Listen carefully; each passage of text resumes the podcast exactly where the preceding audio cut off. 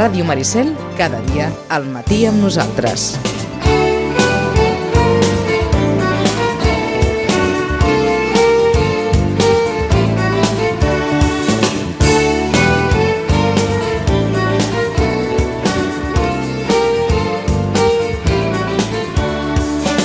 Deia Ramon Folk i Camarasa. L'any 1916, quan va escriure Els Pastorets, el meu pare tenia 36 anys. Era casat i tenia dues filles, les primeres dels 10 fills que arribà a tenir. I es guanyava la vida ara sí, ara no i ara tampoc. Des del seu retorn de l'exili a Perpinyà, col·laborava al Patufet i s'havia fet força popular, però d'escriure encara no en podia viure i per això havia de completar els seus ingressos treballant per encàrrec en altres feines complementàries, més o menys literàries.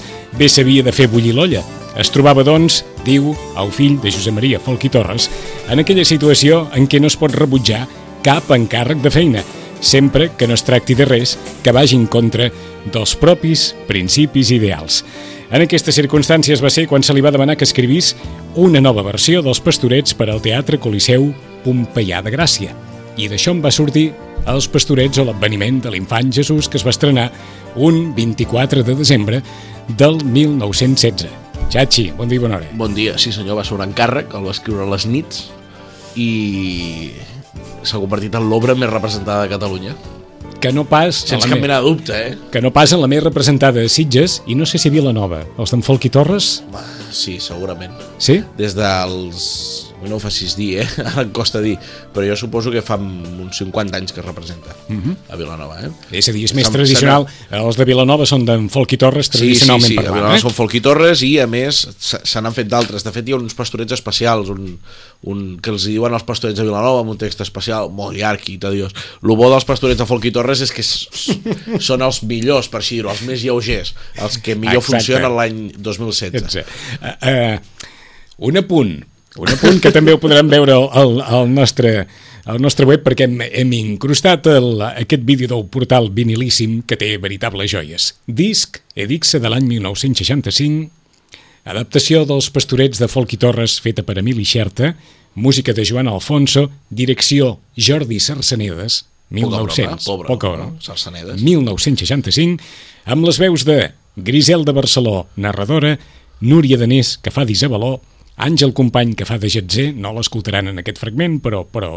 quan vagin al web el podran escoltar, Jaume Pla, que fa de Rovelló, Ernest Serrima, que fa de Lloquet, i Rafael Vidal, que fa un satanàs amb una veu d'aquelles sensacionals. Vinga.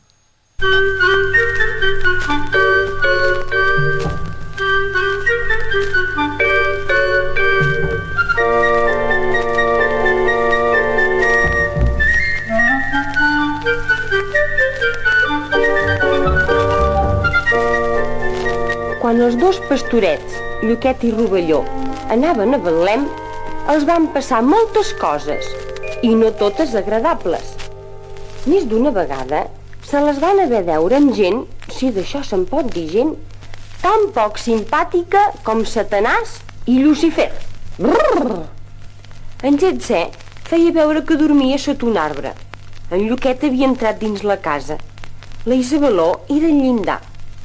Al cap d'una estona, Satanàs va sortir del bosc. Déu meu, ajudeu-nos! Satanàs va veure en Getzer agut amb la cara mig tapada amb la barretina d'en Lluquet. Per tot haig de trobar aquest maleït lloquet. Et mano que dormis ben fort i que res no et pugui despertar fins que migdia hagi passat. I es va acostar a la casa. Qui ets tu? Sóc la filla de Getzer. Si voleu l'avisaré. Sí, crida'l, que l'haig de veure. Qui va sortir va ésser, és clar, en Lluquet amb la seva barba de llana de la Blanqueta. Tan tranquil que ara dormia i, i em veniu a despertar. Suposo que ja em coneixes. Espereu-vos, ai caram. Jo diria que ho recordo. Tanmateix, Acabem ja, que l'hora del terme avança i se'n podria escapar. el terme, Sí, home, el terme d'aquell deute de fa un any. un deute? Doncs no ho recordo perquè jo pago el comptat. No ets pas tan romancer el dia que et vaig portar la pell del llop que es menjava les bèsties del teu ramat. Ah, sí, ja recordo. Vull dir que vaig recordant. Sí, sí, era, Un llop amb potes i un morro així com de pam. Tu vares dir que l'ànima donaries Just, i, i tant. I tu vas ser, si no m'erro... el qui la pell et portà. Sí, sí, sí. Vas fer una bona obra perquè era un fracàs. Cada dia nyam a terra. Una ovella campistracs. Vinc a buscar la teva ànima i tinc el foc esperant. És foc de carbó d'alzina, de gas o electricitat. És de qualsevol cosa. No et volia molestar. És que la mosca ja em puja un xic més amunt del nas. Si cremes carbó d'alzina, jo en tinc un bosc bastant gran. Per el preu ja ens entendríem. No vinc avui per comprar, sinó per arrossegar-te el pou del foc infernal. Ara és el punt de migdia. D'aquí mig minut ja està. Tant se val que t'escarrassis a fer-me prevaricar. Encara que passi l'hora, com que ja t'he reclamat en el moment just del terme, no te'n podràs escapar. A poc a poc. No em diries qui busques? Ets ben grillat? Et busco a tu i prou històries. Amb el nom tot serà clar. Tu ets Jetzè, el que busco. Getzè? Doncs noi, vas errat. Mira, veus aquesta barba? És llana, m'entens? Fordalls! És en Lluquet, miserable! Aquesta la pagaràs! Ara cal que cerqui el muri de Jetzè. On s'ha amagat? Et dic que tu tens la culpa si no ha vingut a lliurar l'ànima que et devia. Perquè quan has arribat li has dit que no es desperti. Era Jetzè! Llamp de llamps! Res, noi. Ha estat una planxa que tothom li pot passar. Vols prendre un glopet de tila? Oh, veure'm així burlat! Closques de coco esclafades! I així acabava la història. Una història que més o menys en, en, la recordes molt, eh? Aquí, com que hem estat més de, de l'Esteu de Natzaret o dels pastorets de mossèn Rossem Fortunet, aquí no la tenim tant de... Jo, però te la saps, te la saps, no diré que de bueno, memòria, però gairebé. frases Eh? I a sortir. vegades quan, quan, quan parlem, a més amb la colla d'amics, que eh, en tenim uns quants que han fet pastorets i que encara en fan, eh, a vegades en fem servir frases i riem, com això de ja m'estic estranyant Ja, de la paciència que gasto, o, o tan tranquil que dormia i tu em vens a despertar i no sé què. Doncs la vigília de Nadal, 24 de desembre, 100 anys dels pastorets de Josep Maria Falquí Torres, els més representats arreu de Catalunya i segurament, com deia en Xachi, els que passen encara avui d'una forma més més lleugera. Sí, Més lleugera, per dir-ho així. Per dir-ho així. Uh, Vinga. jo, crec, jo vull explicar una anècdota dels pastorets que, que se sap poc i és que eh, hi ha com una herència de personatges tradicionals tradicional vol dir que s'ha transmès per tant, eh, que, que han anat succeint-se en històries diferents i s'han anat adaptant. Hi ha una cosa molt, molt interessant que jo encara m'hi d'aprofundir és, un, és una tasca que tinc pendent que és la comèdia de l'arte eh? entendre aquest moviment eh, teatral de carrer del renaixement italià on neixen moltes coses. I d'entre d'altres jo crec que és com eh, que té que els pastorets són hereus d'aquesta tradició. En part recordem que els, past els primers pastorets serien dins les esglésies i després serien desterrats com moltes altres coses a les esglésies i eh, trobem moltes similituds sobretot en personatges. Per, que, que després s'utilitza en els pastorets. Jo estic segur que Folqui Torres no escriu, òbviament, des de zero aquesta història, sinó que té referents ja de coses que s'han fet. I, per exemple, el personatge de l'Arlequí, que és un dels més coneguts a la comèdia de l'arte, també té el recurs aquest de que sempre té gana. Gana. Eh? Sempre tinc gana i tinc gana i tinc gana. Eh? I d'altra banda, per exemple, la comèdia de l'arte també incorpora un altre personatge que és el Tartagli, el Tartamut, eh? com en Jeremies. Així que eh, fixeu-vos Hi ha que... més d'una afinitat, eh? o més sí, d'un aquí lligam. aprofitaríem per dir aquella frase de sempre de l'Eugeni d'Ors del que no és tradició és plagi Sí. que tot està inventat. és a dir que, imagineu-vos si ve d'antic.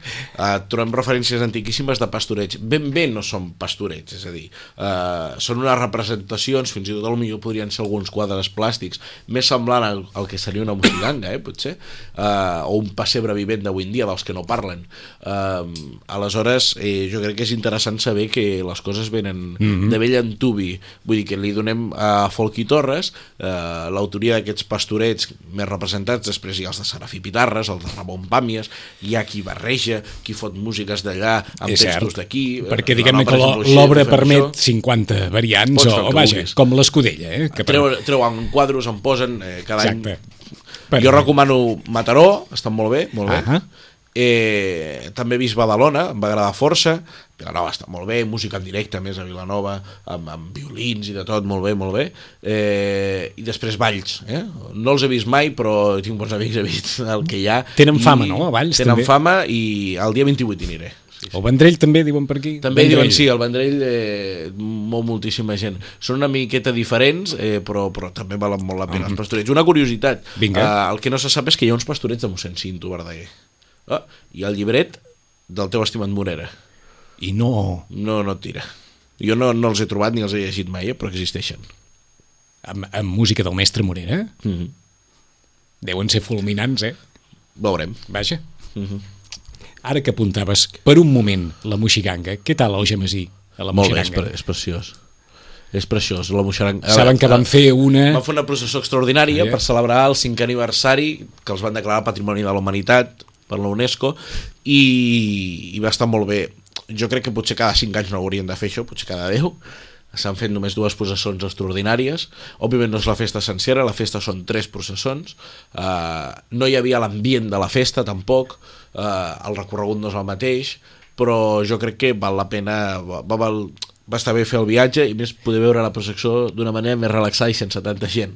Escolta'm, i, i, el, i el, ens va cridar l'atenció veure les imatges de, de, de vídeo del programa, mm. el, el pas entre, surt... En... Ah, Ens va donar la sensació, dic, si això ho fessin per Sant Bartomeu, aquí ens això hi tornaríem ha poca bojos. gent que ho sap. Entra, surt tres vegades. Eh, eh, explico més Per això. què? què? Què és exactament el que entra i surt Bueno, tres vegades? buscar l'entrada de Sant Bartomeu, uh, El tabernacle.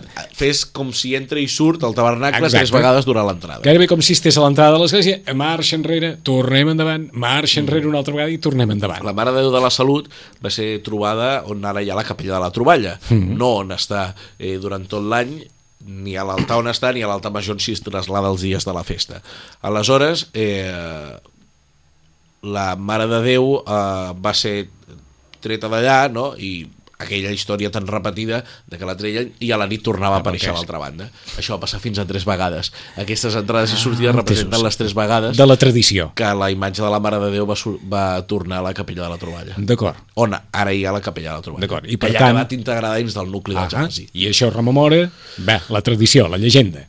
La llegenda de, de Això la és que ens va cridar de molt la- l'atenció, eh? és, és, és, és, és Amb- divertit, jo ho he preguntat també eh? Amb, amb moixeranga parada vinc. costat i costat. Sí, recordeu que abans només n'hi havia una i ara n'hi ha dues eh, és, hem viscut la història dels xiquets de Valls En versió fa- fa moixeranga, res, eh? En versió moixeranga. Des de quan n'hi ha dues? Eh, no m'arrisco a dir-t'ho, però jo crec que més, més de 30 anys segur que no, com a molt 10, 20, no, no gaire. D'acord. És a no dir, gaire. hi ha dues colles que fan la moixeranga. La moixeranga. Sí, sí. Hi ha la moixeranga del Gemasí i la nova moixeranga. Amb què? Amb molta rivalitat entre elles o...? o... Eh, sí, abans potser més. Va sortir per diversos motius, que ara no... no, no ja, ja, ja, ja. Eh, Algú es deuria enfadar amb algú altre, bàsicament. Bueno, coses que és com que acostumen passen, a coses sortir, que la, que és com acostumen a sortir moltes Què passa coses. això als pobles? Quan surt una cosa, que surt una d'idèntica. Exacte. Uh, I bé, bé, però, però ara l'esdevenir de la festa està correcte, cadascú va amb els seus colors. És per ja allò està. del sentit comú que pensaves, dir, ara no sé si és la mateixa colla amb dos grups... No, no. No, Són són, dues dues, colles. La Sí, sí. moixeranga i la nova I la moixeranga I després altres horts són, òbviament, els tornejants, que Ahà. són els, gu- una espècie de, de, de, de guardians de la Mare de Déu, eh, que fan una espècie d'esgrima amb, amb, amb, unes vares de fusta que eh, popularment els diuen fluflus, i, i fan un ball impressionant, atlètic fins i tot, diria D'acord. Els tornejants, se'n diuen, eh? Els tornejants, Els tornejants. els els torneros. Vinga, Pi de Centelles. Vila Centelles, és una festa molt interessant, aneu-hi, és el dia 30, uh, aneu-hi. Centelles, Osona, uh, és una festa que té que s'ha de guanyar, diguéssim, és com un partit de futbol, perquè uh, és com un esport, crec jo, perquè s'ha de tallar un pi, s'ha de portar fins al poble i s'ha de penjar. I tot això pot sortir malament, realment. Penjar, penjar, què vols dir, penjar? penjar vol dir entrar-lo dins l'església Sí. i lligar-lo per la soca, és Sí. a dir, posar-lo cap, de, cap per avall i penjar-lo a l'alta major des de dalt del sostre. Amb, amb unes corrioles, amb, una, Sí, amb unes unes politges, Sí, sí, etc amb unes etc. politges. D'acord. És, És dir, no, no plantar, eh? És a dir, penjar. Se'n va esmorzar tothom a, a la vora del pi, van galejant, fer gala, fer festa, és a dir, disparen amb trabucs, i aleshores tallen el pi, el porten amb carro fins al poble de Centelles, el reben amb una trabucada espectacular i l'entren dins l'església. Tota la força. Tota la És, força. és espectacular. I respon això una tradició que expressa no, no, no, que... no, no, no, m'ho facis dir perquè jo no ho sé. Sí que és, és molt habitual, eh? Les plantades de ballo dels pins a les places dels pobles. No ho dic perquè això, plegat. plantar el pi sí, però això de deixar-lo cap per avall a dins una... No, jo no acabo d'entendre. per això ens no, cridava no acabo l'atenció, de, no? de saber el motiu, eh? segurament trobaríem un o trobaríem algun, Ah. algun tipus d'alegoria al motiu algun tipus de, de, de roni que fos que, que la trobéssim, no que hi fos però el que és interessant és que es despenja el dia de Reis queda el pi i pengen D'acord. pomes i neules O sigui, romana a dins la- Durant tot el l'església de. Centelles durant tot el Nadal. i, i, i pengen pomes, neules que el dia de, el dia de Reis es mengen D'acord. Ah, de les neules jo crec que és interessant parlar-ne perquè és un tema prou desconegut les neules hi ha les que ens mengem per Nadal eh, que tothom les suquen en cava i totes aquestes coses però després hi ha les neules que, decoratives de les esglésies tenen el mateix nom perquè abans estaven fetes de pa, ara estan fetes de paper. Eh? Uh, aquí trobem una coincidència bonica i és que Betlem en hebreu vol dir casa de pa si té alguna cosa a veure, si no ben trobat que no Mhm. diuen els italians. Betlem en hebreu vol dir casa de pa. Casa de pa. Ara ja podem anar a dormir avui. Això abans servia per, el, per marcar el calendari, una miqueta com els ciris de l'Advent. Sí. Les neules grosses eren les setmanes i les petites eren els dies. Si quan anaves a l'església sabies quants dies quedaven per Nadal. Les Ah, anaven traient. D'acord. A Ara partir de simplement comptar neules grosses i petites. Són decoratives i trobem la seva màxima expressió a Mallorca, on hi ha veritables artistes que fan formes geomètriques amb les neules. Val la pena ara entrar a Google i posar neules, esglésies, Mallorca, Que- no sé què, i mirar sortiran- les fotos, perquè val, val la pena. Penseu que el 1822 van ser prohibides a Barcelona, com tantes coses que es prohibeixen a l'església i no sabem per què, i la referència més antiga que trobem al Principat és a Igualada al 1470. De l'existència de Que es neules parla de neules decoratives a les esglésies. fetes en pa. Sí, sí. Volia treure això perquè és una tradició Oh, i de. Nadal que desconeixem totalment. Sí, i a part, ara no ho sé Vilanova, però aquí almenys a l'església de neules... Mm, així, Rodones de paper, i tallades en formes geomètriques i... I, i, ni, tan sols això, em sembla. Fixa't. Per Mallorca això, és el màxim exponent on hi ha veritables artistes que es dediquen a, Ah, ah. a la confecció d'aquestes neules. Entesos. Sí, sí. I avui acabem amb Amadeu Carbó.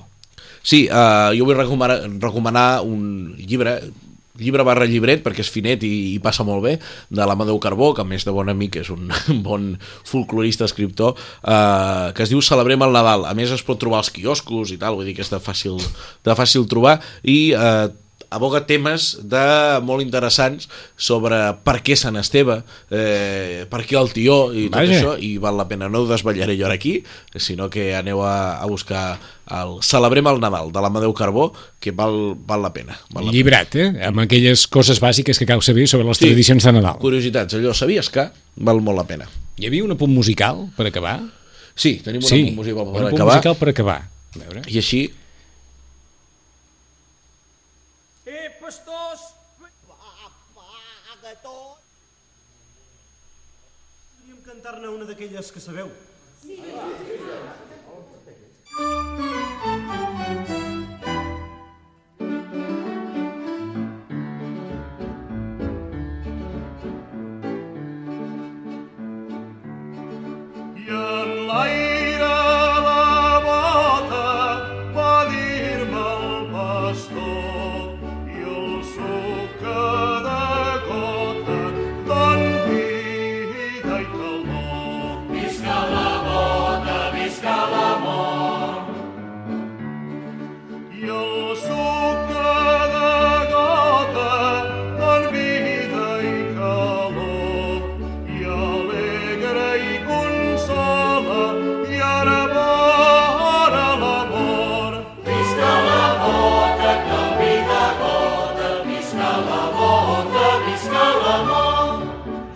això què és? això és La Bota, Manuel Bosser, eh, canta Miquel González. Que bonic. Pastorets, preciós. Escoltem, escoltem, això és preciós. Eh?